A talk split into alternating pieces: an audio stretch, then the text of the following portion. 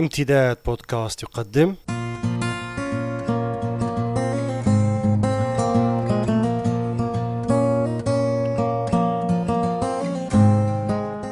نصوص أدبية.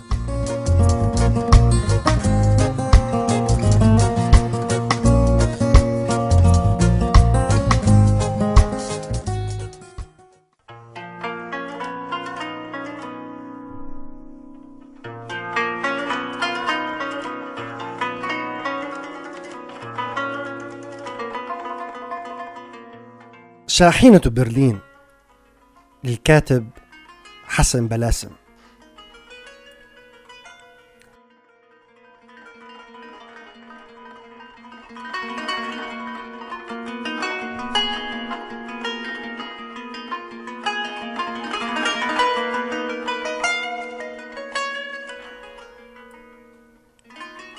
هذه القصة حدثت في الظلام ولو قدر لي أن أكتبها مرة أخرى لكتبت فقط ما أطلق حينها من صيحات فزع وتلك الأصوات الأخرى الغامضة التي رافقت المزرة يصلح قسم مهم من القصة لعمل إذاعي تجريبي.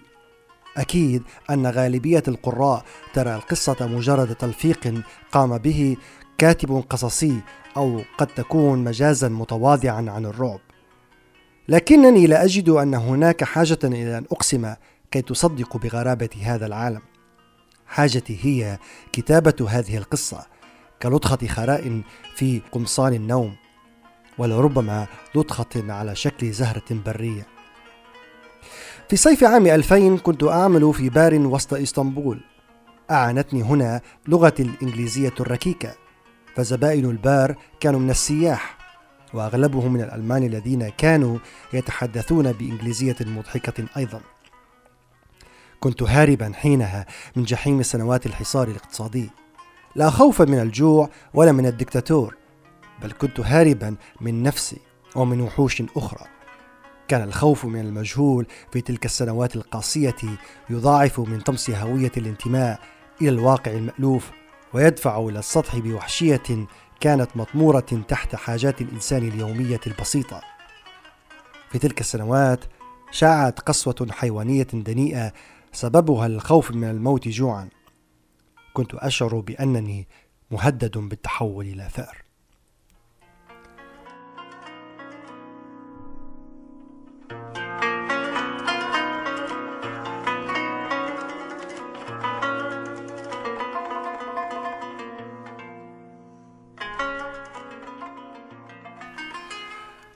جمعت نقودا من ذلك العمل. ودفعتها لمهربي مواشي الشرق البشرية إلى مزارع الغرب. كانت هناك طرق للتهريب تختلف أسعارها. سفر جوي بجواز مزور إلى أنها تكلف كثيرا. هناك المشي مع المهرب عبر غابات وأنهار الحدود وهذه أرخصها. هناك طريق البحر وطريق الشاحنات الذي كنت قد فكرت فيه. رغم أنني كنت قلقا بسبب حكاية الجهاز الذي تستخدمه الشرطة في قياس ثاني أكسيد الكربون في الشاحنات لكشف أنفاس من يختبئون فيها. لكن ليس هذا الجهاز الذي دفعني إلى التخلي عن فكرة العبور بالشاحنة بل حكاية علي الأفغاني ومزرة شاحنة برلين. كان الأفغاني كنزا من كنوز حكايات التهريب. سكن عشر سنوات في إسطنبول بصورة غير قانونية. عمل في التزوير وبيع المخدرات لينفق ما يجمعه على العاهرات الروسيات ورشوة الشرطة. بعضهم سخر مني لتصديق حكاية شاحنة برلين. في الحقيقة لدي أكثر من دافع إلى تصديق مثل هذه الحكاية. فالعالم بالنسبة لي هش جدا ومخيف ولا إنساني وهو لا يحتاج إلى رجة صغيرة ليخرج فظاعاته أنيابه البدائية.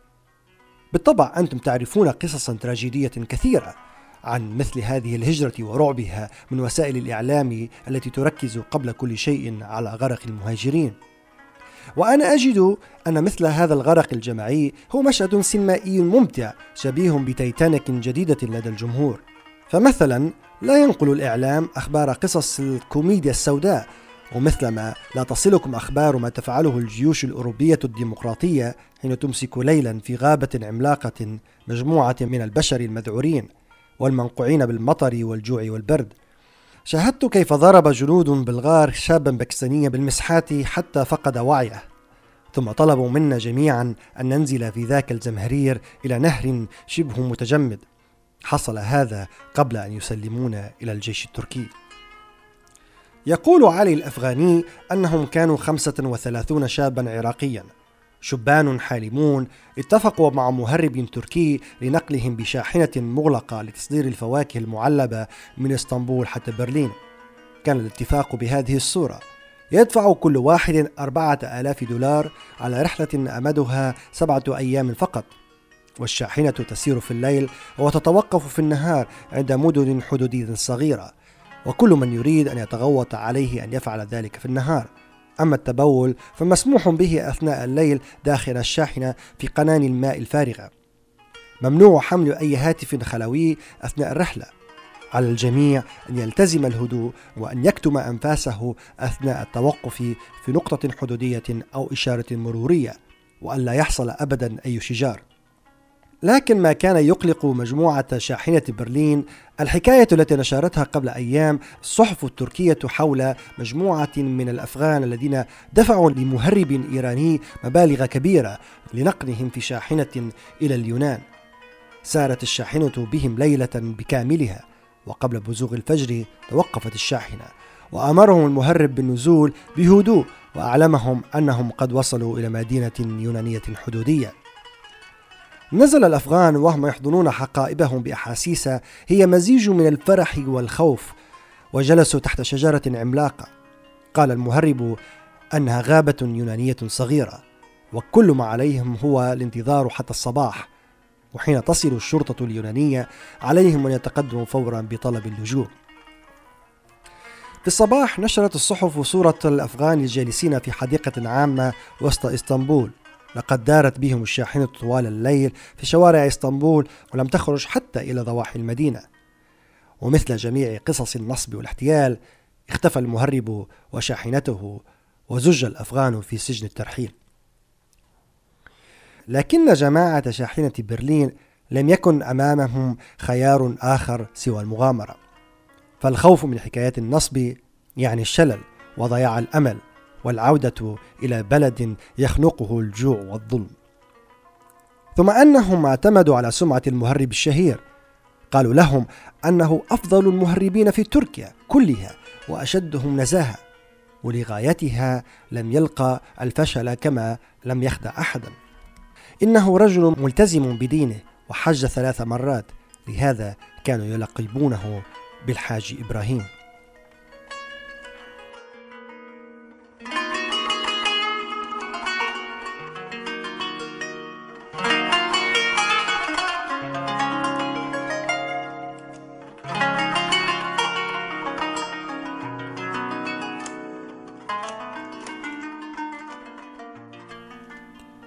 انطلقت شاحنة الحاج إبراهيم من إسطنبول ليلا بعد أن تزود الزبائن بقنان الماء والطعام. كان الظلام والحر شديدين داخل الشاحنة وكان الهواء يتسرب إلى الداخل من ثقوب صغيرة غير مرئية. كان الخوف من نفاذ الهواء يدفع الشبان للتنفس بسرعة مثل من يستعد للغطس في نهر. بعد خمس ساعات من سير الشاحنة كانت رائحة الأجساد والجوارب المتعفنة والطعام المبتل الذي كانوا يتهمونه في الظلام يضاعف الاختناق. لكن الليلة الأولى كانت ناجحة. في الصباح توقفت الشاحنة في مرآب في قرية حدودية وفتح باب الشاحنة الخلفي. تنفس الزبائن وتجدد الأمل في صدورهم. كان المرآب عبارة عن زريبة سابقة وأشرف على عملية التغوط الشابين لم يكن مسموحا حتى بالنزول من الشاحنة إلى الزريبة ولا السؤال عن مكان القرية وفي أي بلد هي. أحد الشابين يأخذهم حسب الدور إلى مرحاض صغير وقذر للغاية في زاوية الزريبة والآخر كان يشتري لهم الماء أو الطعام ويعود في آخر النهار. في الليلة الثانية كانت هناك سيارة مرسيدس تسير على مسافة بعيدة من شاحنة برلين لتأمين الطريق وتزويد سائق الشاحنة بالمعلومات. سارت شاحنة برلين طوال الليلة الثانية بسلام ولم تتوقف إلا ثلاث مرات لوقت بالغ القصر في النهار أدخلوهم هذه المرة مرآبا كبيرا به شاحنات أخرى وكان سهلا سماع ضوضاء المدينة سيارة جيب عسكرية كانت تسير أمام الشاحنة في الليلة الثالثة لتأمين الطريق. لم تقطع شاحنة برلين في رحلتها الليلية هذه المرة سوى خمس ساعات. فقد توقفت فجأة واستدارت الشاحنة وعادت أدراجها بسرعة جنونية. انقبضت قلوب الشبان في ظلام الشاحنة وأحسوا بارتباك سائق الشاحنة من خلال قيادته الجنونية. أخذوا يهمهمون وقرأ بعضهم الأدعية والآيات القرآنية في سره أو بصوت خافت. كان هناك شاب صغير أخذ يعيد قراءة آية الكرسي بصوت مسموع. كان صوته جميلا خدشته نبرة بكاء وضاعف من هلع المسافرين. سارت الشاحنة بتلك السرعة ما يقارب الساعة ثم عادت وتوقفت من جديد. بعدها بربع ساعة استأنفت الرحلة بسرعة متوسطة لكن اتجاه السير التبس على الشبان الذين انقسموا بين مؤيد لفكرة أن الشاحنة تعود أدراجها وبين من يعتقد أنها تواصل الرحلة. كان الشبان على اعتقاد بأن مافيات التهريب هي التي توجه سائق الشاحنة عبر الهاتف الخلوي حسب ظروف الطريق ومخاطره مثل دوريات الشرطة. شعر الركاب بأن الشاحنة أخذت تسير على طريق ترابي متعرج. توقفت الشاحنة فجأة وأطفأ السائق محرك السيارة وعم صمت مريب وغامض داخل شاحنة برلين. صمت شيطاني سيفرخ معجزة وحكاية لا تصدق.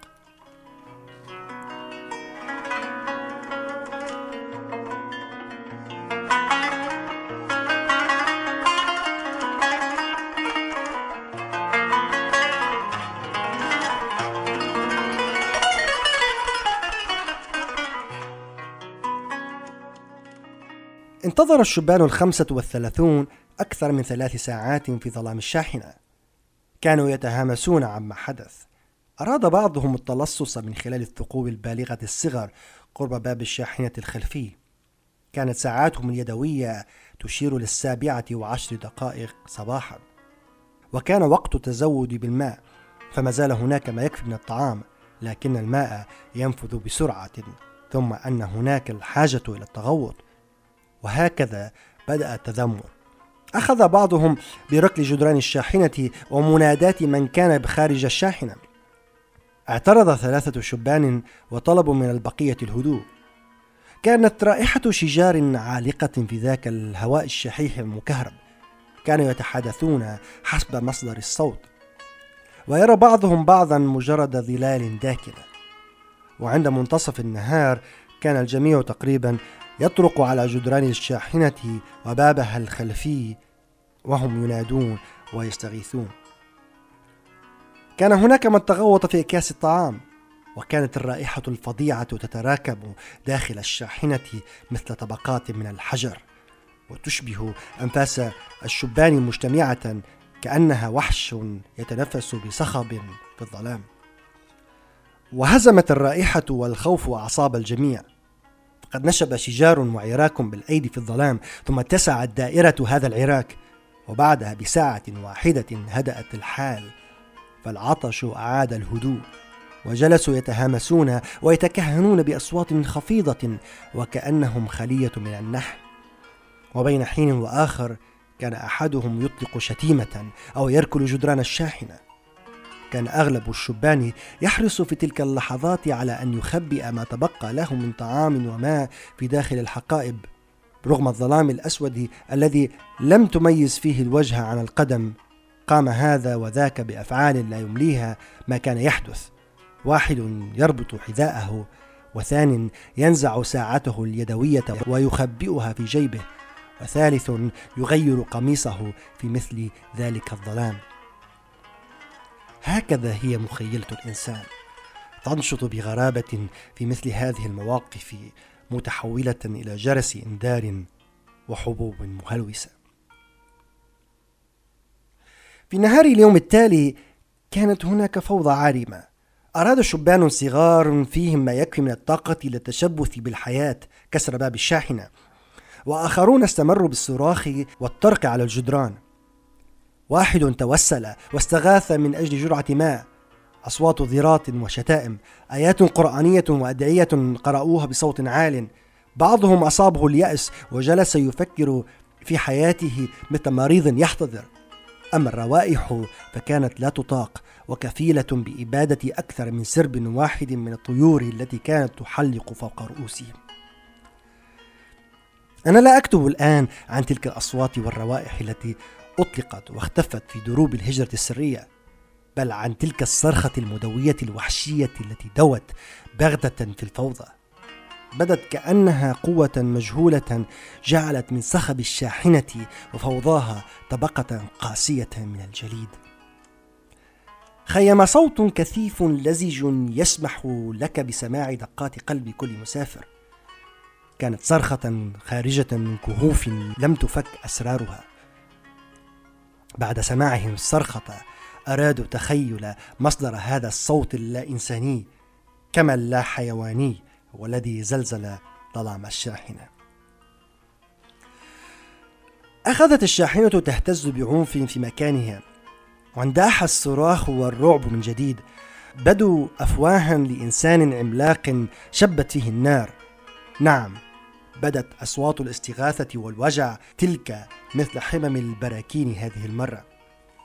بدا الأمر كأن قسوة الإنسان والحيوان ووحوش الحكايات الخرافية قد تكثفت وأخذت تعزف لحنا جحيميا مشتركا.